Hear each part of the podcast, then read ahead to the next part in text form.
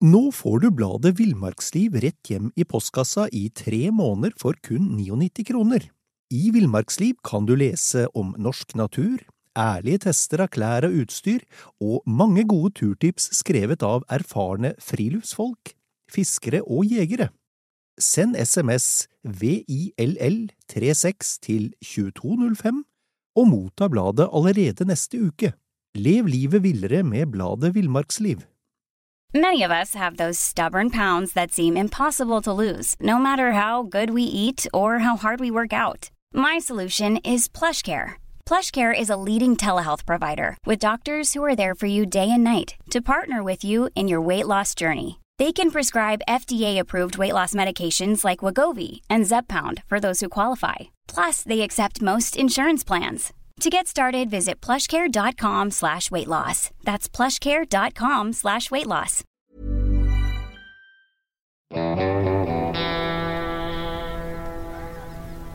Velkommen til podkasten Villmarksliv. Mitt navn er Knut Brevik, og jeg er redaktør i Villmarksliv, jakt og alt om fiske. Og jeg heter Dag Kjelsås, har jobba sammen med deg i mange år, Knut, og er interessert i mark. Ja, det er det. Eh, For i dag skal vi snakke om markfiske. Vi skal snakke om mark, vi skal snakke om kroker, arter og metoder. Eh, Og vel å merke i, i innlandet. Ja, det er jo der vi bruker mest mark, men du kan faktisk fiske i ferskvann eh, og saltvann begge steder med mark, men nå tar vi ferskvann. Ok, da, altså hvorfor, la oss først ta det, hvorfor fiske med mark?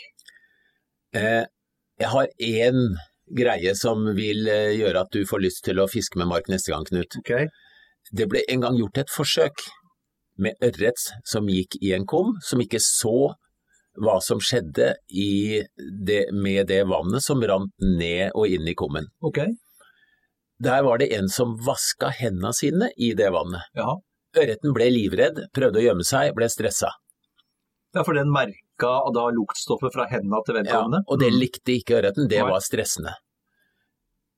Eh, I et annet tilfelle så lot de oppmalt mark, eller marklukt, komme i vannet. Jaha, Da ble fisken kjempeivrig på hugget og beviste nærmest at mark det er noe som trigger, som gir matlyst, og nå, nå, nå vil jeg finne hvor hvor denne lukta kommer fra, for jeg, jeg skal spise mark. ok.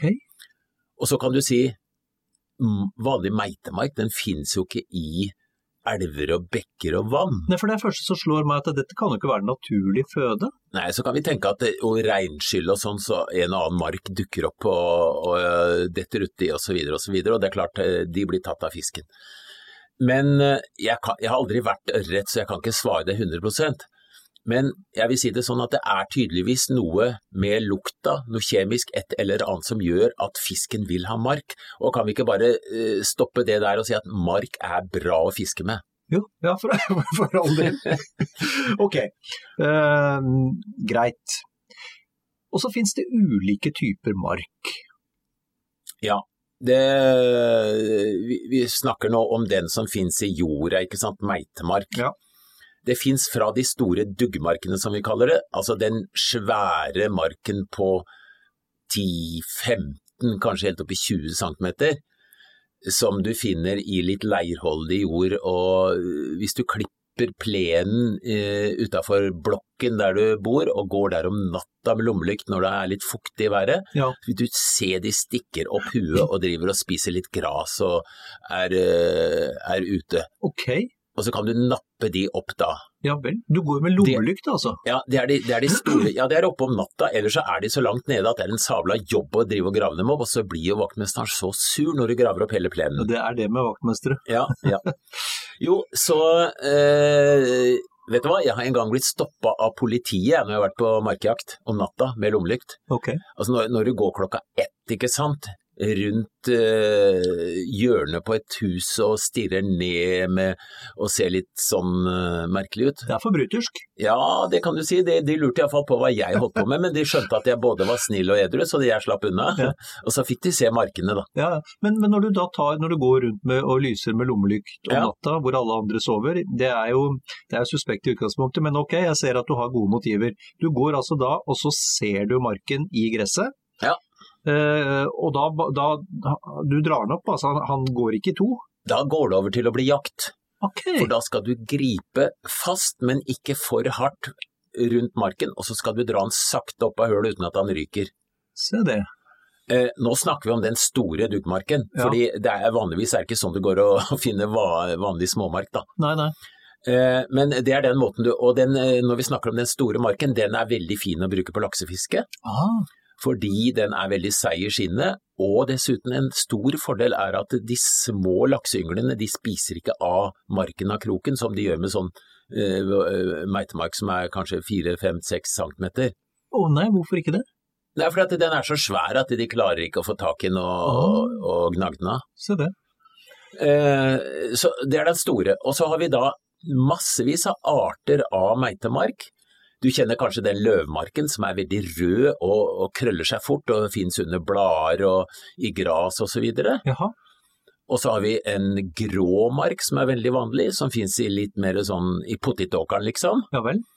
Er det, Eh, den, er det den mon tro jeg har vært vant til å grave etter, med et lite grev bak møkkakjelleren?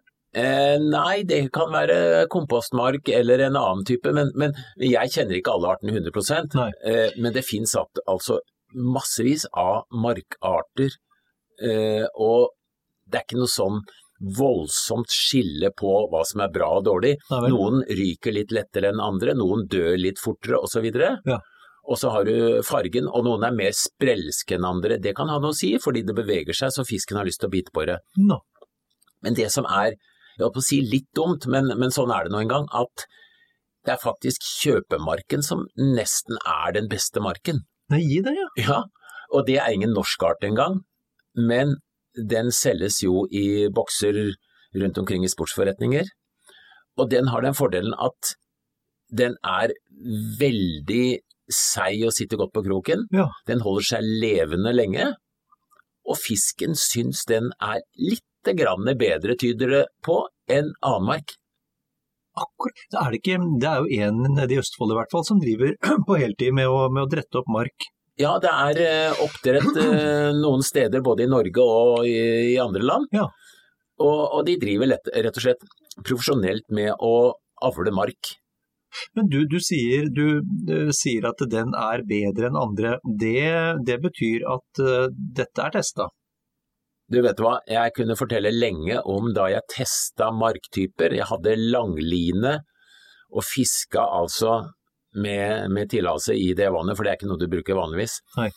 Hadde jeg vel en seks-sju markarter, og så eh, hang jeg de på kroker, eh, det var tett mellom krokene. Én, 1, 2, 3, 4, 5, 6, 7, og så begynte jeg på nytt igjen, og sånn hadde jeg hele lina stappfull. Og jeg kan love deg det, at jeg sleit for å få satt ut lina, for å finne ut av det når det gikk på obbor og øh, få vekk de, for det var ørret jeg skulle teste på den gangen.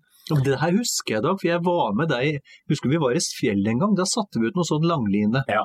Eh, Og dette var en test for villmarksliv for noen år tilbake, var det ikke Det det? stemmer, stemmer. Og det ble et savla surr i krokene noen ganger, og jeg sleit og øh, bygde nye liner og sto på. Men kort om det. eh, Det endte med at kjøpemarken ga litt flere ørreter enn de andre marktypene. Du verden.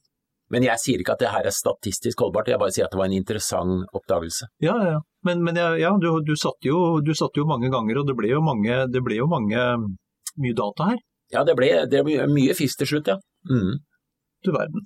Okay. Men, men i alle fall, eh, meitemark er bra uansett art.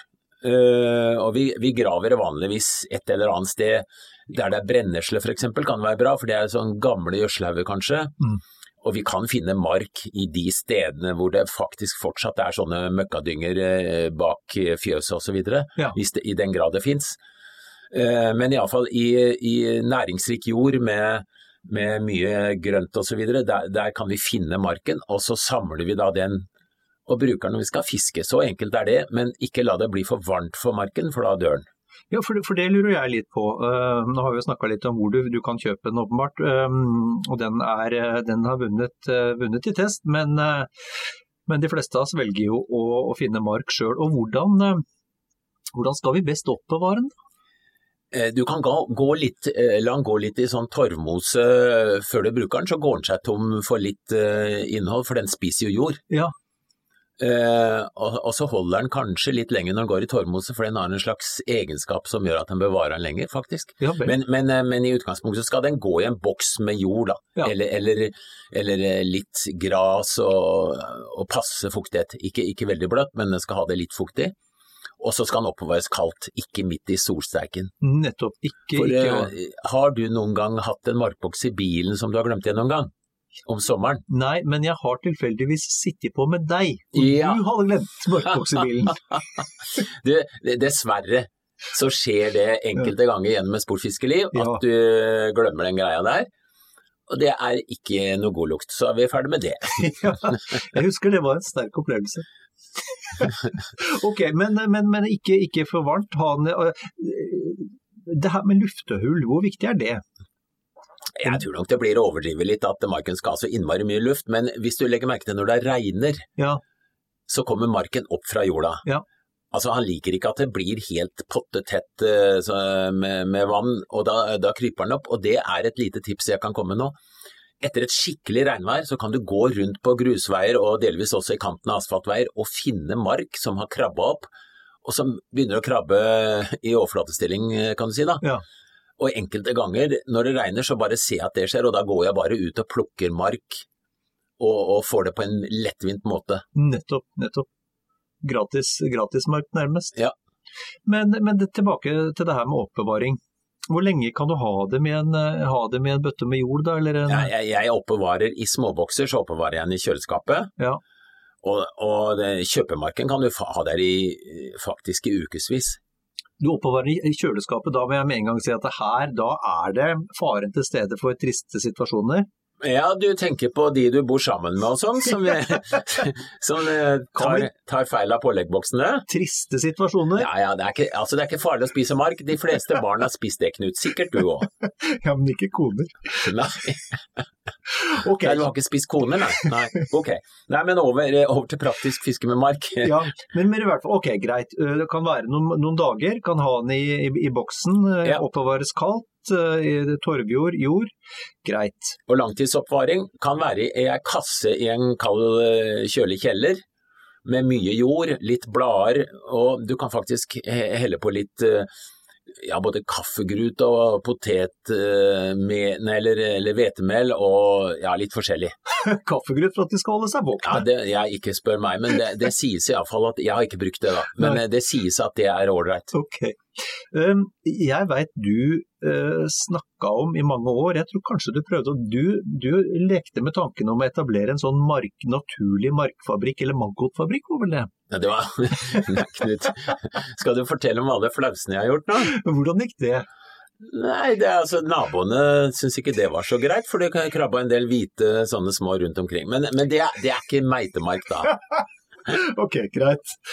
Men du, jeg skjønner du vil, du vil desperat over på praktisk bruk, du. Praktisk bruk av marken, praktisk fiske. Ja, for altså, i utgangspunktet har vi fått fatt i mark, ja. og så er vi på fisketur. Yes. Og da har vi mange bruksformer, for å si det sånn. Ja. Det enkleste er jo å ha ei haspelstang og snelle, og en dupp og en markkrok og mark. Ja. Så har vi altså markkroken kanskje en meter under duppen, og så agner vi med mark og kaster ut, og så venter vi til duppen går under og strammer til og drar opp en fisk. Det høres veldig, veldig lett ut. Ja. Eh, la oss gå litt mer i detalj på det. Når du snakker om markkrok, hvor store, store kroker skal det være, og hvordan skal de se ut? Eh, vi kan si det sånn at jeg syns mange bruker for stor krok. Og det har vel også noe med at uh, i, før så trodde man at hele kroken måtte dekkes av marken. Og, og det, det, det, ble liksom så tullete med små kroker uh, å få til det. Ja. Uh, men i dag så fisker iallfall jeg alltid med fri krok fra bøyene og rundt spissen. Ok, så det spiller ikke noen rolle, det Jeg altså? gjemmer ikke den inni marken. fordi kan du fortelle, veit du om noen fisk som veit at en krok er farlig? Nei. Altså, jeg, jeg tror generelt ikke at ørreten er noe fintenker. Nei. Tror ikke det. Og, og jeg har erfart at det spiller ingen rolle, og da kroker du fisken fortere. Ja. Eh, men det er nok også litt medvirkende til at du kan bruke litt mindre krok. For da er, eh, da er spissen der, og den hekter seg fort fast, ikke sant? Ja. I forhold til hvis du har en stor krok som er dekt, spissen er dekt, altså, eller en liten krok inni en mark, da skal du være heldig om du klarer å få spissen ut og feste seg i fisken. Nettopp. Men i hvert fall, eh, hvis vi snakker krokstørrelser da, Ja. som eh, de har betegnelser, Ja. eh, eh, og det begynner, det er sånn at det, små tall er liten krok. Ja. Eh, størrelse seks, kanskje åtte, det syns jeg holder lenge. Nå Og den- snakker vi om ørret.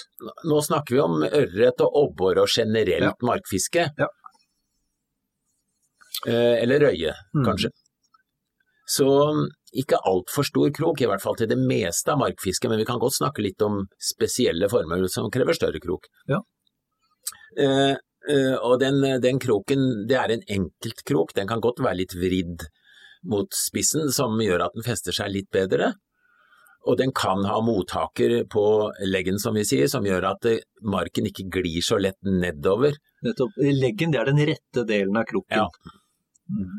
Uh, og du kan godt dra marken faktisk over uh, senefestet på kroken og litt opp, for ofte stikker det ut en liten senespiss der du har kutta. Ja.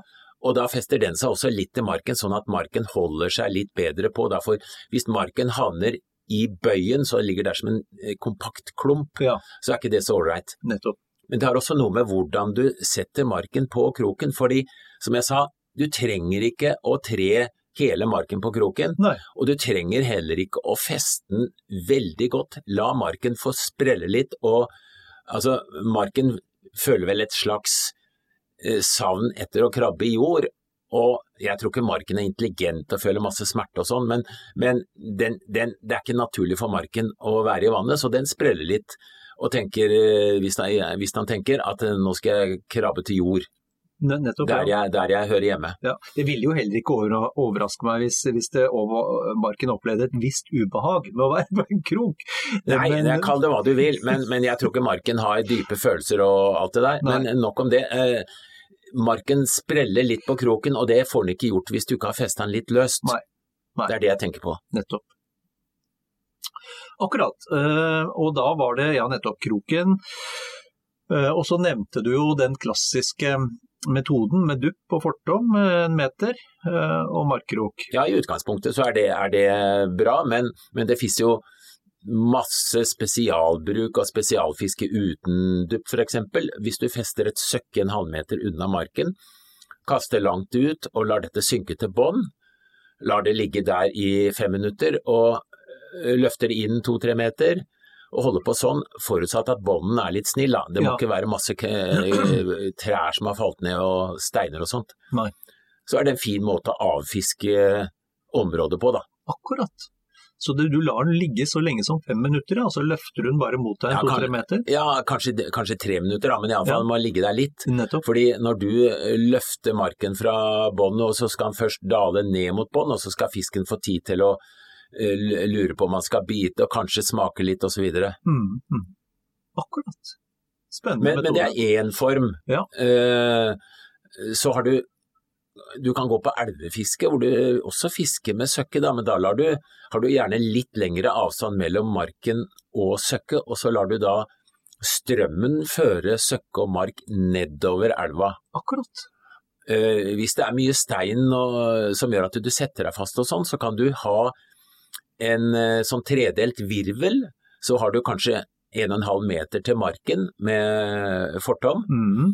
og så har du en meter eller kortere ned til søkket med litt tynnere sene. Så at du hvis søkket setter seg fast, Nettopp. så eh, ryker du av den uten at du eh, ryker av eh, festet til marken, sånn at marken kanskje blir fiskende i elva uten at du har snørekontroll, og så kan det gå på en fisk, og så, og så må den Skjønner. rundt på søkket og marken en stund. Nettopp. Så litt svakere, eller litt tynnere sene ned mot søkket når du bruker Ja. et sånt trebbel. Ja. ja. Fornuftig. Mm, Og det bruker du også uh, mye på laksefiske når du fisker med mark. mm, Uh, ja, det, det, det er en annen måte å fiske på.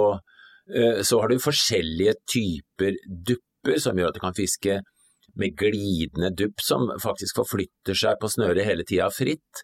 Sånn at eh, hvis duppen er litt tung, da, så kan du løfte marken, fra bo- marken og et lite søkke fra bånn opp et par meter, og så sykler den sakte ned igjen. Det er en annen metode. akkurat, ja. Du, du drar den da mot, uh, mot duppen. Kommer stadig også. innover mot deg, men du vil fiske den litt opp og ned i vannet. Ja, Det er spennende. ja, ja. ja. Og så kan du ha en intermediate, eller en sånn en dupp som flyter midt i vannlaget, som ikke synker fort, synker veldig sakte. Ja. Og så kan du dra det sakte innover, da vil marken bli dratt kanskje to meter under overflaten, sakte mot land, og så kan fisken se bevegelsen og få lyst til å bite. Ja, for alt, unnskyld, alt det du skildrer nå, Dag, det er jo en, en type aktivt markfiske. Ja. I, forhold, I motsetning til det klassiske passive markfisket, hvor du, hvor du kaster ut duppen med marken under og legger deg til i lyngen og venter. Ja, og det var det jeg begynte med, fordi det er på en måte, det er fiske for alle, selv de som ikke er så interessert i fiske. Ja. Fordi du kan holde på med andre ting faktisk, og så kan du kikke etter duppen av og til. Mens du setter opp teltet, så slenger du ut, og så går du og sjekker.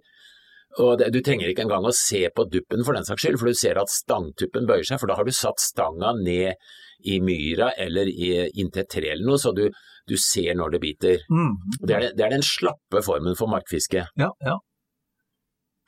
Og så har du, har du vel egentlig den Nå har, du jo, eller nå har, jo, har jo vi snakka om bruk av dupp en del, men du har vel egentlig den, eh, den som brukes under harving òg, at du bruker marken som selve kastevekta? Ja, og, og du nevner harving. Det er jo kjempegøy, men litt vanskelig, for det skjer helst når det er beksvart i natta. Ja. Og Knut, vet du hva, jeg har plumpa, jeg har tryna, jeg har brekt stang, jeg har fått uh, trær på kroken, jeg har vært sint, og jeg har dratt hjem Ja. som følge av harvefiske, som jeg da har drevet litt uh, uforberedt eller litt for fort, fordi i utgangspunktet så bør du ha tid til på forhånd å se hvordan stranda ser ut, hvordan vannet er, hvor det lønner seg å fiske, er det glatte berg så jeg kan plumpe her? For du skal helst ikke bruke lommelykt, Mm. Mm. for da ser fisken deg. Mm. Så harvefiske er for de som liker litt spenning, og som uh, tåler å bli våte. Ja, Det kan jeg så levende forestille meg. Men det er et snikfiske som er utrolig spennende, og hvor du kan få stor ørret. Ja. For det du gjør, du kaster da ut, gjerne med ei lettspinnstang, så kaster du ut ei markklyse, satt på en litt stor krok i den sammenhengen her, Mm. Mm. ut i vannet, og så begynner du å sveive og nappe med en gang. Mm. Sånn at den, si det sånn da, markklysa svømmer mot land. Ja. Og om fisken tror det er en frosk, eller hva den nå tror, det spiller ingen rolle for meg. Det viktige er at det her er faktisk skikkelig bra greier å fiske med. Ja, ja. Og det som skjer er jo da at ørreten kommer og hiver seg over dette her, og da hører du det plasket kanskje bare fire meter unna deg. Mm. Og hvis du vil ha spenning på fisket, Knut, da skal du virkelig dra på harvefiske. Akkurat. akkurat. Og så er det en teknikk som jeg har jo sett deg gjennomføre, men jeg har sett andre gjennomføre den også, hvor du nærmest um, leier marken ned elva, eller, Ja. eller, eller slipper den ned elva. Eh, og da kan vi faktisk fiske, som jeg sa nå, med lettspinnutstyr, også etter laks eksempel. Ja. Men du må ha sterk nok line, da. Mm.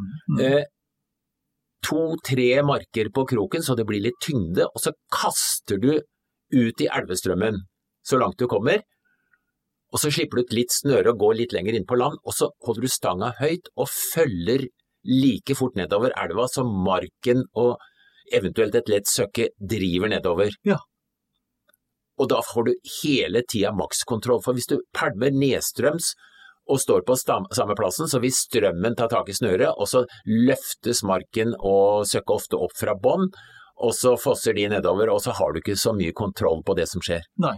Men hvis du går ved siden av akkurat like fort som snøret driver, da har du faktisk veldig god kontroll, og vil kunne kjenne smånapp fra fisk. For selv stor laks kan bite veldig forsiktig. Akkurat. Eh, og så er det det å skille mellom at det er stein som treffer marken eller søkket, og fisk.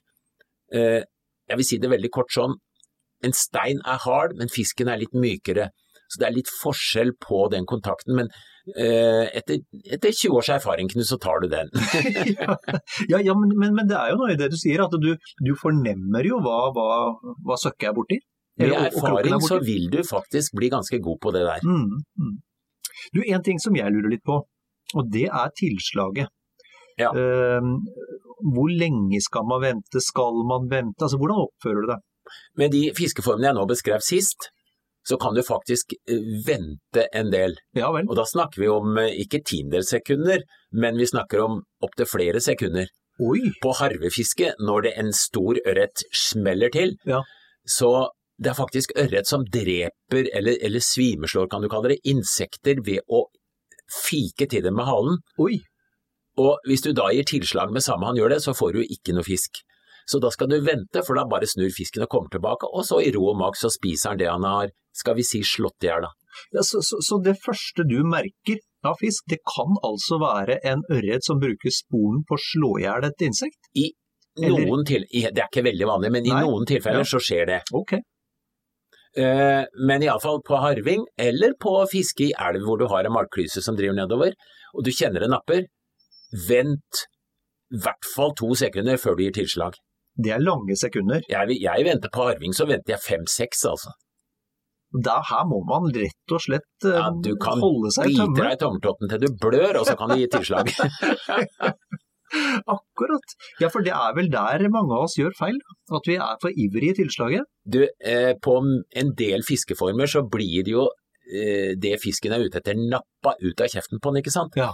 En ørret som, som kommer opp og skal ta ei tørrflue, hvis du gir tilslag med samme den kommer opp, så har den ikke fått lokka igjen gapet. Du lurer den. Ja, ja, du drar, du drar altså ut uh, agnet uten å få fisken Ja. før han har lukka munnen. Mm. Og det samme skjer med markfiske. Du kan, uh, du kan godt vente litt, altså. Akkurat. Spennende. Hva med, hva med det klassiske rådet, dette med den røde tråden? Ja, øhm, jeg tror ikke det er feil å bruke en rød tråd på laksefiske øverst på kroken som du har knyttet rundt sena, kanskje. Nei. En ulltråd, øh, et eller annet. øh, Hvordan fisken oppfatter det her, om det er øh, holdt på å si, vingene til marken det, det kan ikke jeg si, for jeg har aldri vært fisk. Nei. Men i hvert fall, det, det ser ut som det funker, og det har jo noe med rødfargen å gjøre, som er en av de fargene som fisk kan uh, synes er interessant å, å gape over. Ja. Og så er det bevegelsen selvfølgelig, for det beveger seg jo veldig lett i vannet da. Ja, ja, ja. Ja. Litt sånn lokkende. Mm. Ja. Og så har vi et annet, mens vi er inne på klassiske råd av, av mer eller mindre god kvalitet, så er vi inne på dette med å spytte på marken. Gjerne, Ja. gjerne hvis du har tygd skråtobakk i forkant. Du, eh, si det sånn, spytt av en eller annen grunn, så er det visstnok sånn at spytt er eh, At fisken ikke blir redd spytt, men kanskje omvendt. Og det, det som er ordentlig fortvilende for oss, Knut, vet du hva det er? Nei. Jenter lukter bedre for fisken enn gutter. Oi. Ja, Det er urettferdig. Ja, det er veldig urettferdig. Men, men um, altså, ikke klin for mye med fette fingre på, på det du fisker med. Nå, når det gjelder marken, så tror jeg kanskje den lukta fra marken overskygger det. Okay. Men, men sånn generelt så er ikke fisk veldig glad i menneskelukt. Altså. Det, det er det som sagt gjort forsøk på. Du innleda jo med å fortelle om det forsøket. Ja, Ja. nettopp. Så, så jeg ville jo tro, basert på det, at det var lurt å være litt forsiktig med håndteringa, og kanskje også spyttinga for den saks skyld, men hva vet vel jeg? Jeg har heller det, vært fisk. jeg tror det er mer gjeldende for en del andre ting enn mark, altså, okay. bare så det er sagt. Ja, ja. Greit. Um, hva med mark i kombinasjon med, med f.eks.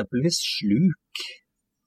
Altså det er en uh, klassisk lur ting å gjøre. Hvis, du ikke, hvis fisken napper på sluken uten å sitte på, Mm. Så kan det hende han går og øh, dunker til skjea, eller, eller muligens biter på selve skjea og ikke på kroken. Mm. Men hvis du henger en markkrok en liten trebbelkrok i en fortom fra 10 cm opp til kanskje en halv meter bak sluken, Ja. så kan du faktisk i en del tilfeller få mye mer fisk enn du ville gjort med vanlig sluk. Akkurat. Og til røye så er det jo kjempebra å bruke en eh, sluk, jeg bruker ofte hvit sluk til røya, Jaha. gjerne med litt oransje på. Okay. Og når, når du drar inn den med eh, en mark eller maggot hengende i en fortom på ja, si 20 cm bak, så kan du faktisk eh, få røye som du ikke ville fått med bare sluk. Så marken har eh, å tre mark på en vanlig slukkrok er heller ikke dumt. Nettopp, nettopp. Men øh, bare sånn av ren nysgjerrighet, vi har jo på en måte blitt enige om at vi nå snakker jo om mark og ikke maggot, men, men hva, hva, hva er det fisken mest glad i da, av, øh, av vanlig mark eller maggot? Nå får du bladet Villmarksliv rett hjem i postkassa i tre måneder for kun 99 kroner. I Villmarksliv kan du lese om norsk natur, ærlige tester av klær og utstyr, og mange gode turtips skrevet av erfarne friluftsfolk, fiskere og jegere. Send SMS VILL36 til 2205 og motta bladet allerede neste uke. Lev livet villere med bladet Villmarksliv. Hey, it's Danny Pellegrino from Everything Iconic. Ready to upgrade your style game without blowing your budget? Check out Quince. They've got all the good stuff shirts and polos, activewear, and fine leather goods, all at 50 to 80% less than other high end brands. And the best part? They're all about safe, ethical, and responsible manufacturing. Get that luxury vibe without the luxury price tag. Hit up quince.com slash upgrade for free shipping and 365 day returns on your next order. That's quince.com slash upgrade. Det, eh, altså, eh, vi bruker eh, maggot når vi fisker røye på isen f.eks. Mm.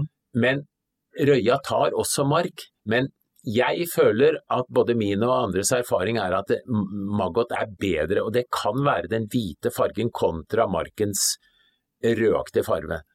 Men i den sammenheng så har det vært å si det at vi fisker for lite med småmark, og da snakker jeg om mark på to-tre centimeter. På isfiske etter abbor så bruker nesten alle maggot, men jeg har fått bra fangster med småmark på en mormyrska f.eks., som du vet er en sånn liten eh, tung kule med én krok på. En liten dråpe? Ja.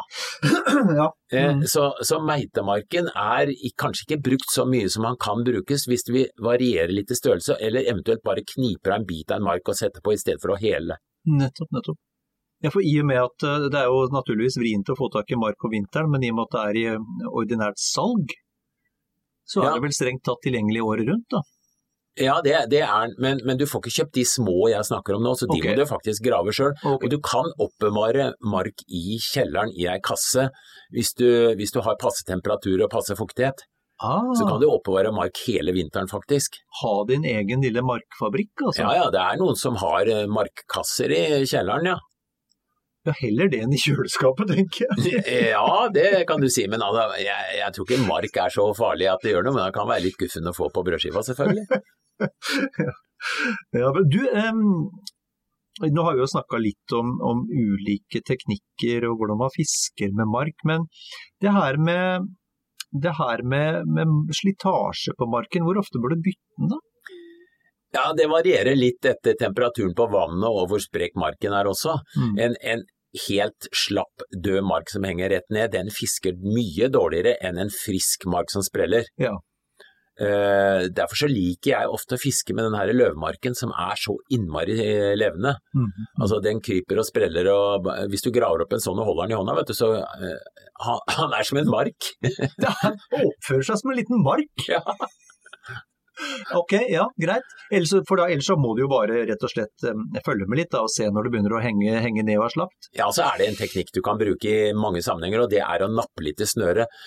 Da vil marken bevege på seg. Ja, Og det er ikke tvil om at fisken heller tar noe som er, ser levende ut enn noe som ser dødt ut. nettopp, nettopp. Altså det, det finnes mange eksempler på at fisken spiser døde ting, men, men sånn i det store og det hele med mark, så vil jeg ha litt bevegelse på den.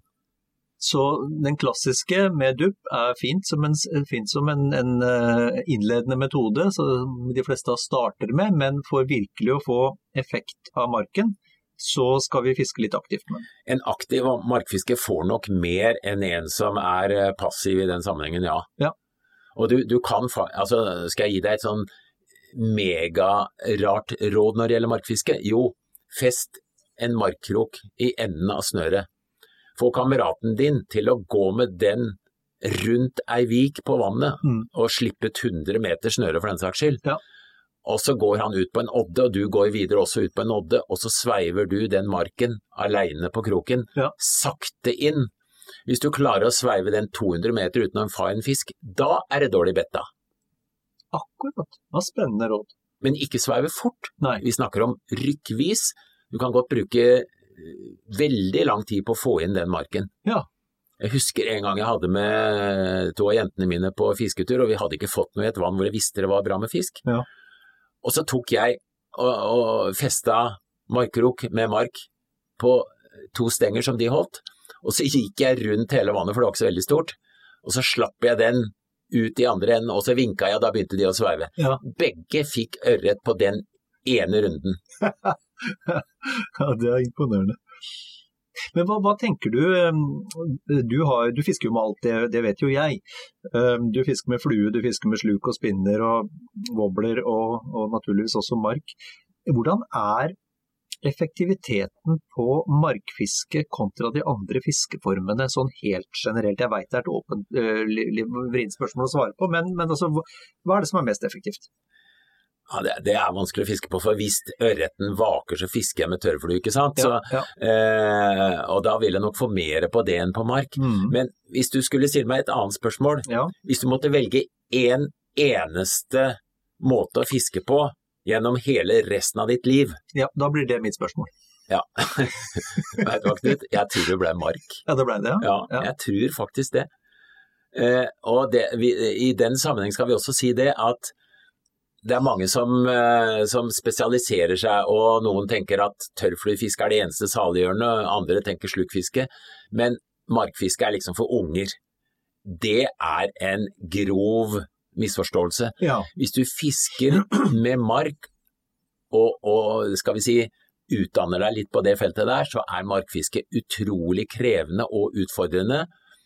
Og den som er god på markfiske, han får mye mer på det enn de som bare er, skal vi si, vanlige eller ikke så veldig flinke. Ja, ja.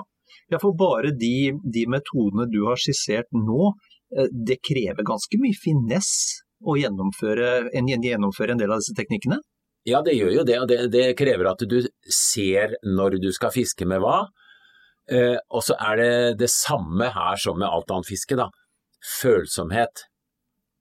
Og du er en veldig følsom mann, Knut, så du kunne blitt en god markfisker. Veldig, veldig følsom. Ja. Eh, men, men fakta er at du skal ha altså Du skal enten kikke på stangtuppen eller kjenne på sena og være utrolig følsom for bett, uansett hva du fisker med, men særlig når det gjelder mark. Ja. For det er mange fisker som er bortpå, det veit de som har hatt utsett og ikke sett duppen røre seg, men når du sveiver inn så er marken halvspist. Altså har det vært fisk der. Men, men det vil altså si at fisken er borte og kniper små biter av marken som kanskje bare er en centimeter eller to unna kroken? Noen ganger så skjer det, ja. Absolutt. Det er hårfint. Og det kan være at, at marken hang litt uh, uh, ubevegelig, og at fisken var sånn halvveis litt usikker. Kanskje hvis du da hadde vært litt mer effektiv og fiske med å nappe litt i snøret av og til, så ville den fisken gått mer hardere på. Akkurat. Huh. Um, hva, hvis vi, skal, hvis vi skal begynne å oppsummere litt, hva er det viktigste å, å tenke på da når folk skal fiske med mark? Ja, det er, tålmodigheten kommer inn her som alle andre steder, da. Eh, eh, og så kommer det inn å, å vite eh, hvor det er lurt å fiske. For å komme på et blankt vann midt på sommerdagen og kaste ut en markdupp, eh, det er ikke så veldig lett å få fisk da. Så, så, så, tidspunktet er avgjørende også? Ja, jeg ville fiska hvis det er ideelt markfiskevær, kan være regnvær faktisk, eller, eller, at det egentlig ikke er sånne klare, fine soldager. Ok. Eh, og så er markfiske veldig spennende i elv. Det er lettere å fiske med mark i elv hvis du har lært deg de grunnleggende tingene enn mye annet. Sjøl om det er vanskelig å vite når det, når det, er fisk eller stein, men allikevel så er det en veldig effektiv metode. Fordi marken kommer dansende til fiske, fiskens ståsted. Da. Mm, mm.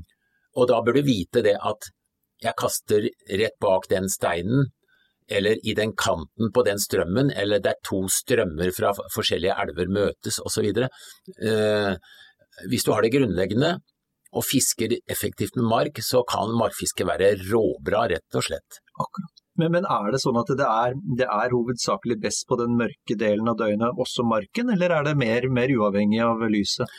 Ja, jeg tenker vel det at markfiske er som alt annet fiske, at fisken har sine bedtider mm. og sine ståsteder og, og, sånne generelle ting som alltid gjelder. Ja, ja. Men, men, eh, det er nok sånn at en, en ørret skal være ganske hard i huet hvis han lar en deilig, bevegelig mark komme dansende nedover med strømmen, og han lar den passere. Da er han på slankeren. ok, du har jo fiska veldig mye med, alt som jeg har sagt før. Hva er største ørreten du har fått på marka? Mm. Jeg må spørre. Største ørreten? Ja. Jo, det er faktisk en regnbueørret når jeg tenker over det. Okay. På 6,7 kilo. Ja, fortell. Ja, ok. Det, det var eh, Det er ikke noe hemmelig plass, for jeg tror ikke det er regnbueørret der før. For det her var fisk som hadde rømt som småfisk fra et oppdrettsanlegg okay. i et uh, innlandsvann da, ah. like ved sjøen. Og der fikk jeg tips om at der var det plutselig blitt veldig stor regnbueørret. For den gikk og spiste stingsild blant annet. Eh, så vi snakker om eh, normalt så fikk du fisk på kiloen, og eh, noen ganger x ganger derfra videre oppover. Oi. Og der fiska jeg med mark med den metoden jeg beskrev, med et søkke og en tynn fortom ned til søkke, tjukkere fortom til marken. Og så dro jeg den etter bånd, og plutselig så var det bråstopp. og eh, ørret på nesten sju kilo er artig å ta inn, altså. Det skal jeg bare love deg. Særlig hvis du har litt lett utstyr. Jeg hører hva du sier. jeg, har nok vært, Det er nok et stykke unna syv kilo, ja, men jeg hører hva du sier da. Nei, men morsomt. Um, bra andre ting vi må, eller du har lyst til å fortelle i forhold til, til um, markfiskere i dag? Eh, ta med unger på markfiske. Ah, ja. Det er så gøy for barn å se duppen gå under og fisk oppår. Mm. Den biter villig, og når duppen går under og øh, du sier til barnet at nå kan du sveive inn, og nå har du fisk på og sånn, ja. Altså, jeg har opplevd at unger jeg har hatt med på fisketur, har tatt med den fisken hjem, lagt den i vinduskarmen og nekta å fjerne den helt til først lukta vondt og så tørka. Ja. For det var altså livets største opplevelse så langt i de seks åra det barnet hadde levd. Ja, kult. Kult. Det syns jeg var, eh, var vakkert. Um, da lurer jeg bare på om vi skal ønske folk skitt fiske med mark i dag? Det gjør vi absolutt.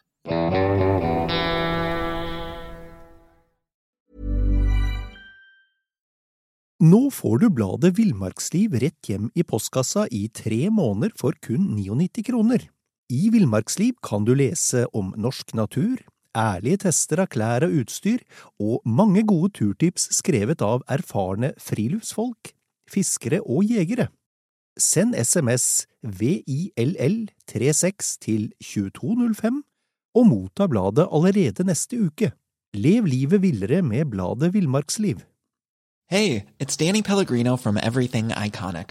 Ready to upgrade your style game without blowing your budget? Check out Quince. They've got all the good stuff shirts and polos, activewear, and fine leather goods, all at 50 to 80% less than other high end brands. And the best part? They're all about safe, ethical, and responsible manufacturing. Get that luxury vibe without the luxury price tag.